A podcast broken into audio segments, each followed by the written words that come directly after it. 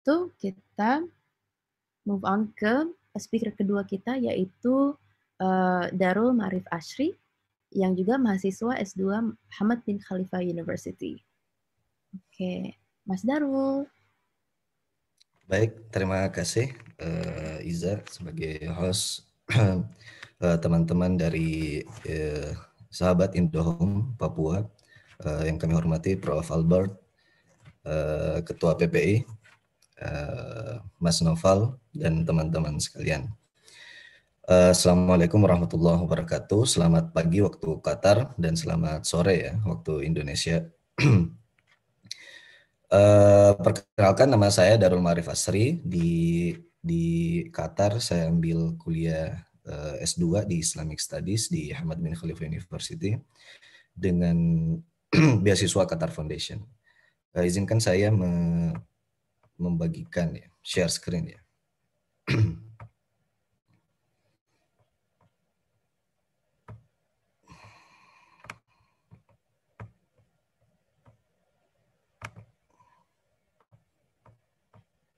Oke.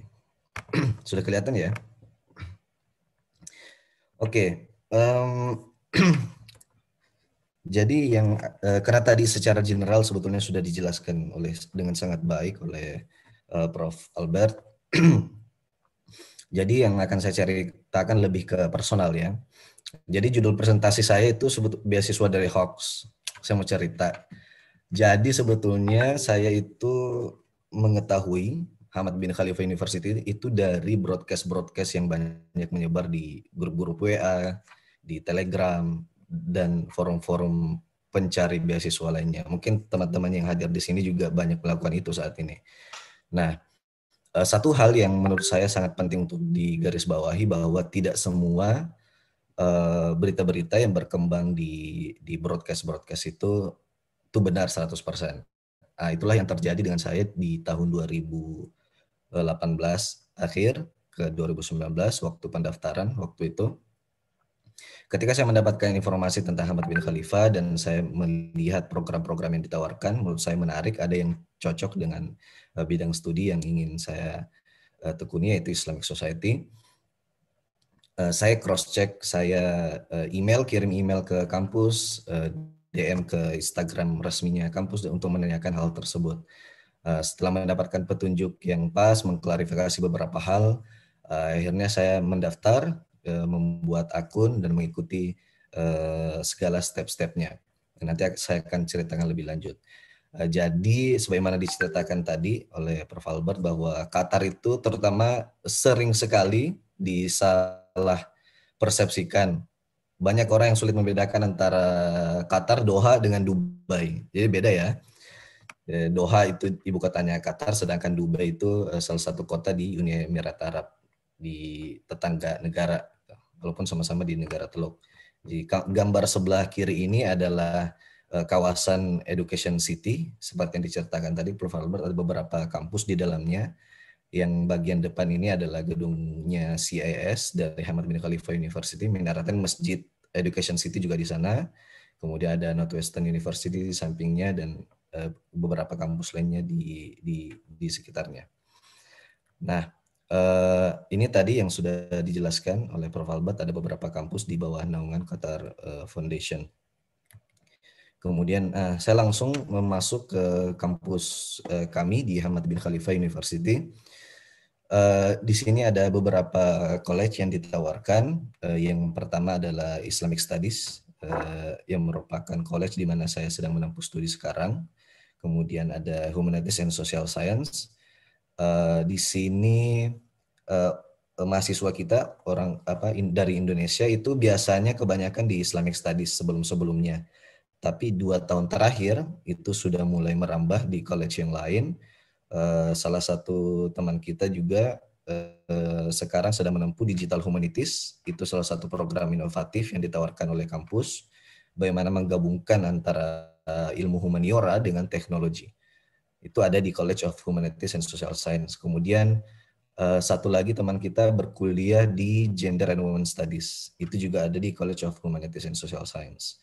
Kalau uh, di College of Islamic Studies nanti bisa dilihat lebih lanjut. Kemudian ada Engineering, Law, uh, Health and Public Policy.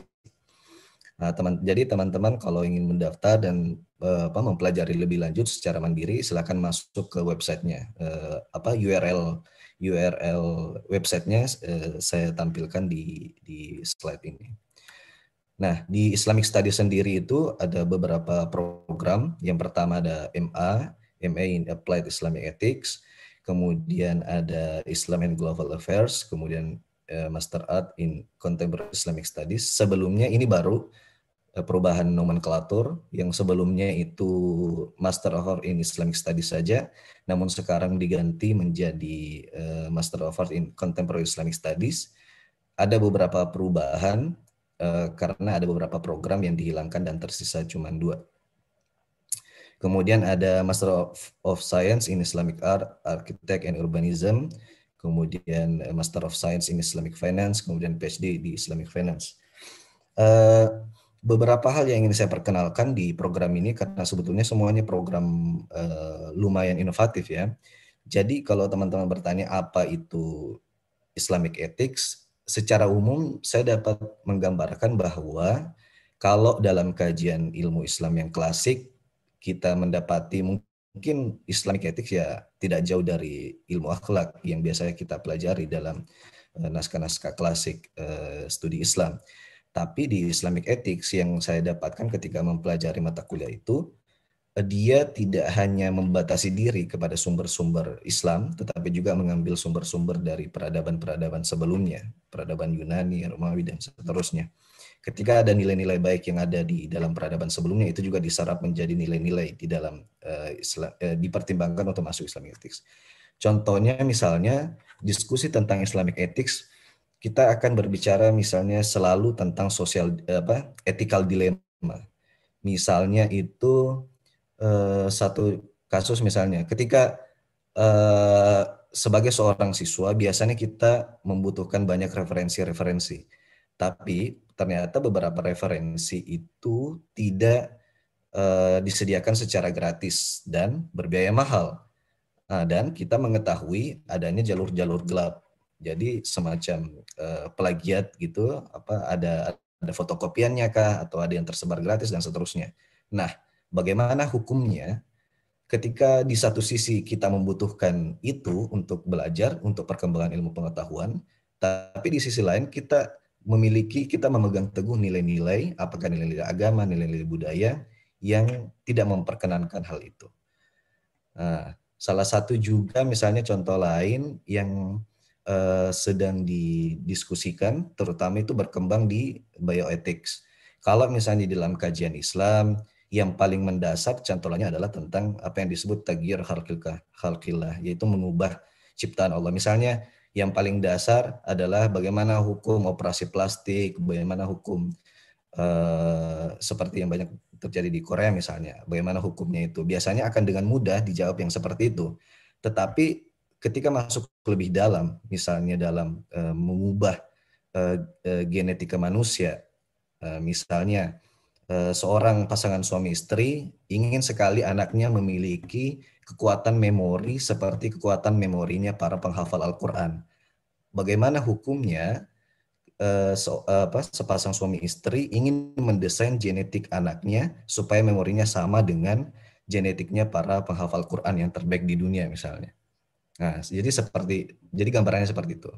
Kalau Islam and Global Affairs itu mungkin seperti uh, apa hubungan internasional, tapi lebih ke uh, is, negara Islam uh, dan nilai-nilai Islam. Kemudian di uh, arsitek itu uh, yang jadi beberapa gedung-gedung misalnya gedung-gedung uh, Minaraten sendiri kampus YS itu uh, di samping uh, desain-desainnya yang sangat modern, ramah lingkungan, tapi juga memiliki nilai-nilai Islam.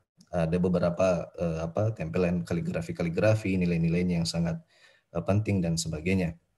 Kemudian uh, Islamic Finance, uh, saya kira di antara uh, saya sering mendengar di antara beberapa teman-teman uh, peminat Islamic Finance di Indonesia, uh, ada tiga tempat biasanya yang menjadi rujukan utama untuk Islamic Finance. Yang pertama di Inggris, kemudian di Malaysia, dan uh, di uh, di Qatar ini menjadi salah satu yang uh, apa paling menonjol untuk bidang Islamic Finance. Oleh karena itu, maka salah satu program PhD yang dibuka di Hamad bin Khalifa University adalah PhD di Islamic Finance. nah, masuk ke bidang saya, ini eh, Contemporary Islamic Studies. Di situ ada dua bidang spesialisasi yang ditawarkan, satu berbahasa Arab, satu berbahasa Inggris. Sebelumnya ada lima, tapi ternyata di tahun ini di, di, dikurangi hanya menjadi dua. Uh, yang bahasa Arab tersisa fikih, eh, fikih and society. Sebelumnya uh, ini uh, dinamakan contemporary Islamic uh, contemporary fikih atau Islamic law kemudian contemporary Islamic thought sebelumnya Islamic Society and Civilization yang menjadi konsentrasi saya. Uh, pada pada dasarnya apa perbedaan antara Islamic Studies di sini dengan misalnya di negara di negara Mesir atau di di Yaman, di Sudan, di Arab Saudi? Perbedaannya adalah itu dijelaskan di website bahwa uh, kampus menginginkan studi Islam itu tidak mempelajari Islam sebagai sebuah nilai normatif. Jadi ketika kita mempelajari sholat itu bukan tentang fikih sholatnya. Kalau misalnya di, di ini ya di contemporary Islamic thought misalnya, bukan tentang uh, fikih sholatnya, tapi bagaimana sholat itu misalnya sholat jamaah itu di di masjid-masjid tertentu, bagaimana misalnya dia menjadi identitas kelompok tersendiri di dalam suatu komunitas beragama. Nah, begitupun bagaimana misalnya interaksi antara Muslim dengan non-Muslim di Qatar, perbandingannya dengan di Indonesia, di Arab Saudi, dan seterusnya. Jadi lebih melihat Islam tidak sebagai keyakinan normatif, tapi sebagai uh, fenomena sosial. Nah, seperti itu. Jadi teman-teman yang ingin menjadi ulama, uh, maka uh, saya tidak menyarankan untuk masuk ke sini. Karena itu beda. Nah, kalau menjadi ulama ya paling tepat uh, Al-Azhar, Mesir, uh, Saudi dan seterusnya. Karena di sini pendekatan yang dipakai adalah pendekatan, pendekatan metodologi barat. Oke. Okay. Oh, di sini ada jelaskan yang seperti yang saya bilang tadi, ada pendekatan multidisiplinary dan interdisciplinary. Sehingga secara umum Islamic Studies dapat didefinisikan sebagai Islamic Science, yaitu tafsir, fikih, akidah, dan seterusnya, disorot dengan ilmu-ilmu sosial atau ilmu-ilmu humanitis nah, secara general seperti itu. Nah, bagaimana dengan tahapan eh, pendaftarannya? Eh, jadi ada yang saya alami ada dua tahapan eh, proses seleksi. Jadi yang pertama eh, membuka website tadi itu, kemudian membuat akun di sana. Setelah itu upload dokumen-dokumen, di antaranya personal statement yang menjelaskan tentang uh, keinginan kita uh, apa gambaran diri, kemudian uh, bagaimana mengapa memilih Hamad bin Khalifah misalnya, uh, kemudian uh, ingin mengambil konsentrasi apa dan seterusnya. Kemudian official transcript itu dari S1 uh, transkripnya, kemudian IELTS-nya itu standar 6,5, sekira sama dengan LPDP luar negeri, kalau nggak salah itu 6,5 juga. Kemudian uh, surat rekomendasi dari uh, dosen kita ataupun dari tokoh-tokoh nasional misalnya tentu harus yang berkaitan dengan uh, bidang yang ingin kita geluti. Kalau saya finance berarti uh, sebisa mungkin dosen finance atau uh, apa tokoh-tokoh yang di bidang finance misalnya. Kemudian setelah lolos itu akan ada email. Jadi tidak tidak tidak seperti yang lain. Kalau yang lain mungkin ada semacam announcement yang terbuka di mana kita dapat melihat nama-nama siapa yang lulus. Jadi semua pengumuman di Hamad bin Khalifah itu lebih langsung apa personal, langsung ke email kita. Jadi langsung kelihatan. Kemudian uh, setelah itu akan diberitahukan uh, jadi kampus akan uh, pertama-tama akan memberikan penawaran waktu untuk interview.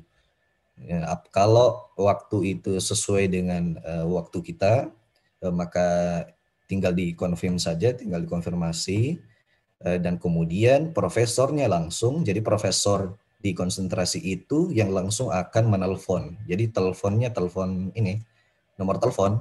Jadi bukan WA, bukan Skype. Jadi langsung telepon untuk interviewnya. Nah, di interview itu tergantung. Uh, kalau misalnya jurusannya bahasa Arab seperti fikih tadi, berarti uh, pertanyaannya akan dalam bahasa Arab, tapi selain dari itu adalah bahasa Inggris. Oh iya, satu lagi kalau di Hamad bin Khalifah itu yang saya tahu cuma ada satu uh, eh, S1 sisanya itu postgraduate. uh, master dan PhD. Nah, yang menarik menurut saya di interview ini yang berbeda dengan interview-interview beasiswa lain atau kampus-kampus lain yang pernah saya alami adalah di mana kita eh, pertanyaan dosennya itu menanyakan tentang seberapa familiar kita dengan scholarship in the field. Apakah itu menanyakan tentang figur tertentu, figur terkenal misalnya di bidang itu, atau misalnya ada satu buku populer di bidang itu, kita akan diminta, eh, kamu kenal nggak dengan ini? Atau kamu uh, figur siapa yang kamu tahu di bidang ini. Kemudian kita akan menjelaskan tentang pendapat dari figur itu atau ulama itu di, di, di bidangnya masing-masing. Nah, setelah interview, kemudian kita akan menerima uh, apa, surat kelulusan, letter of acceptance. Nah, tapi setelah menerima LOE ini, uh, di situ langsung dijelaskan bahwa uh, apakah kita ingin mendapatkan beasiswa gitu. Nah, kalau misalnya ingin mendapatkan beasiswa, tinggal dibalas saja uh, mengkonfirmasi bahwa ingin mendapatkan beasiswa, jadi tidak ada dokumen tambahan untuk seleksi beasiswanya itu uh, dokumennya tetap sama, jadi tidak ada dokumen tambahan, tetap sama dengan apa dokumen ketika pendaftaran. Nah, setelah itu barulah keluar uh, scholarship agreement yang kemudian uh, kalau lulus, tapi sejauh ini yang saya tahu semua yang lulus uh, itu pasti mendapat beasiswa full. Cakupannya apa nanti saya jelaskan. Nah, jadi setelah mendapatkan scholarship agreement, setelah kita baca, tanda tangan, scan, kirim. Nah, setelah itu kita akan menunggu tiket pemberangkatan dan seterusnya. Nah, foto ini adalah foto gambaran kelas di di ini di dalam gedung ini. Jadi gedung yang di bawah ini itu Menara Ten. Ada dua menara kan? Jadi Menara Ten. Yang menarik di sini tuh ada sebagaimana yang saya sebutkan tadi arsitekturnya sangat indah berdampingan dengan Oxygen Park. Uh, jadi pondasi dasar dari uh, eh, CIS ini, gedung CIS ini itu ada ada lima pilar, di mana masing-masing pilar itu mencantumkan kaligrafi ayat-ayat yang di, yang yang termasuk dalam rukun Islam. Jadi mulai syahadat, sholat, haji, puasa dan seterusnya. Nah, adapun dua ayat utama yang menjadi uh, menara di di CIS itu Inilah menjadi prinsip dalam Islamic Studies di Hamad bin Khalifah. Yang pertama adalah ayat tentang ilmu pengetahuan, dan seterusnya. Ayat yang kedua adalah kadzalika ja'alnakum ummatan yaitu tentang wasatiyah Islam, moderasi Islam. Nah, jadi eh, simbol ini menunjukkan bahwa eh, Hamad bin Khalifah University itu mendukung dua hal, eh, apakah itu eh, studi umum maupun studi Islam. Kalau di studi Islam, maka manhajnya adalah wasatiyah, moderasi Islam, dan ketika dia uh, di luar studi studi umum yang ditawarkan, uh, itu tetap bagaimana melihat ilmu pengetahuan umum itu sebagai bagian dari ayat-ayat Tuhan. Nah, seperti itu. Oke, kemudian uh, cakupan scholarshipnya tentu ada tuition fee, jadi semua SPP-nya udah ditanggung, kemudian asuransi kesehatan juga ditanggung, kemudian diberikan tiket transport, jadi tiket transportnya, kalau di CIS, di fakultas saya, di college saya itu, kita langsung diberikan tiket. Jadi kampus yang memberikan tiket, eh, kita langsung menerima e-tiketnya di email, kemudian berangkat. Tiket ini diberikan ketika berangkat pertama kali, karena programnya adalah dua tahun untuk magister. Jadi ketika berangkat pertama kali, setelah itu di tahun berikutnya ketika summer, itu diberikan tiket pulang, pulang pergi Kemudian yang terakhir ketika pulang, ketika selesai meninggalkan Qatar. Nah, kemudian sampai di bandara pun itu sudah ada transport dari Qatar Foundation yang menunggu yang akan mengantar kita dari bandara ke Hosing. Begitupun ketika pulang. Jadi Hosing, bandara, bandara Hosing.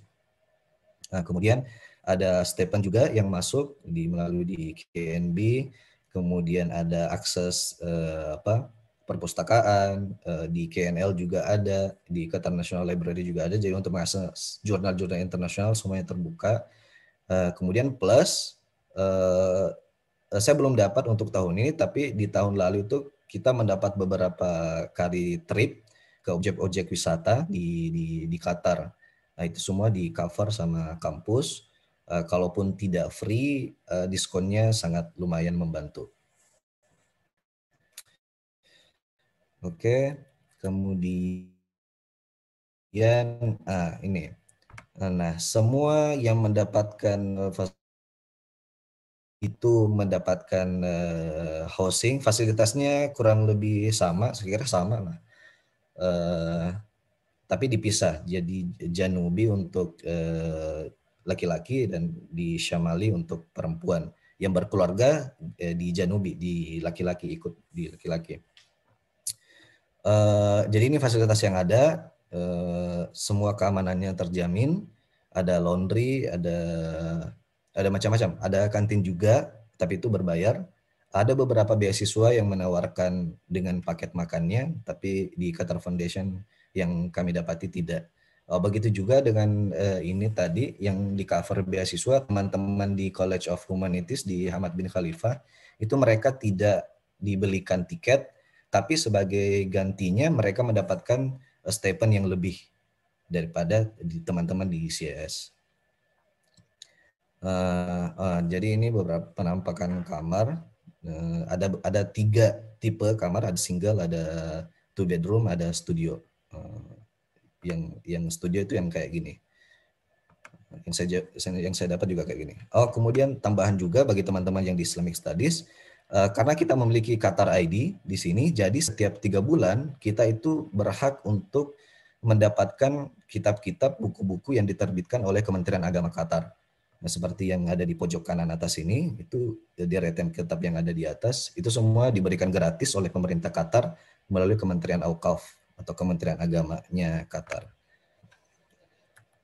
Oke, kemudian ini fasilitas di luar itu tadi. Eh, ini tadi jadi eh, teman-teman kalau misalnya daftar kemudian lulus dapat sini sampai 2022 jadi salah satu stadion eh, Piala Dunia itu ada di kawasan kita di Education City. Ini Stadion Education City, kemudian ada fasilitas olahraga, uh, Oxygen Park ada bola, banyak gym, kemudian renang dan sebagainya. Hmm, lengkap lah. Oke, okay. eh, saya kira itu uh, materi saya pada pagi hari ini. Uh, ini kemarin uh, dokumentasi silaturahmi kami dengan Pak Dubes dengan teman-teman PPI. Baik, terima kasih. Saya kembalikan ke moderator.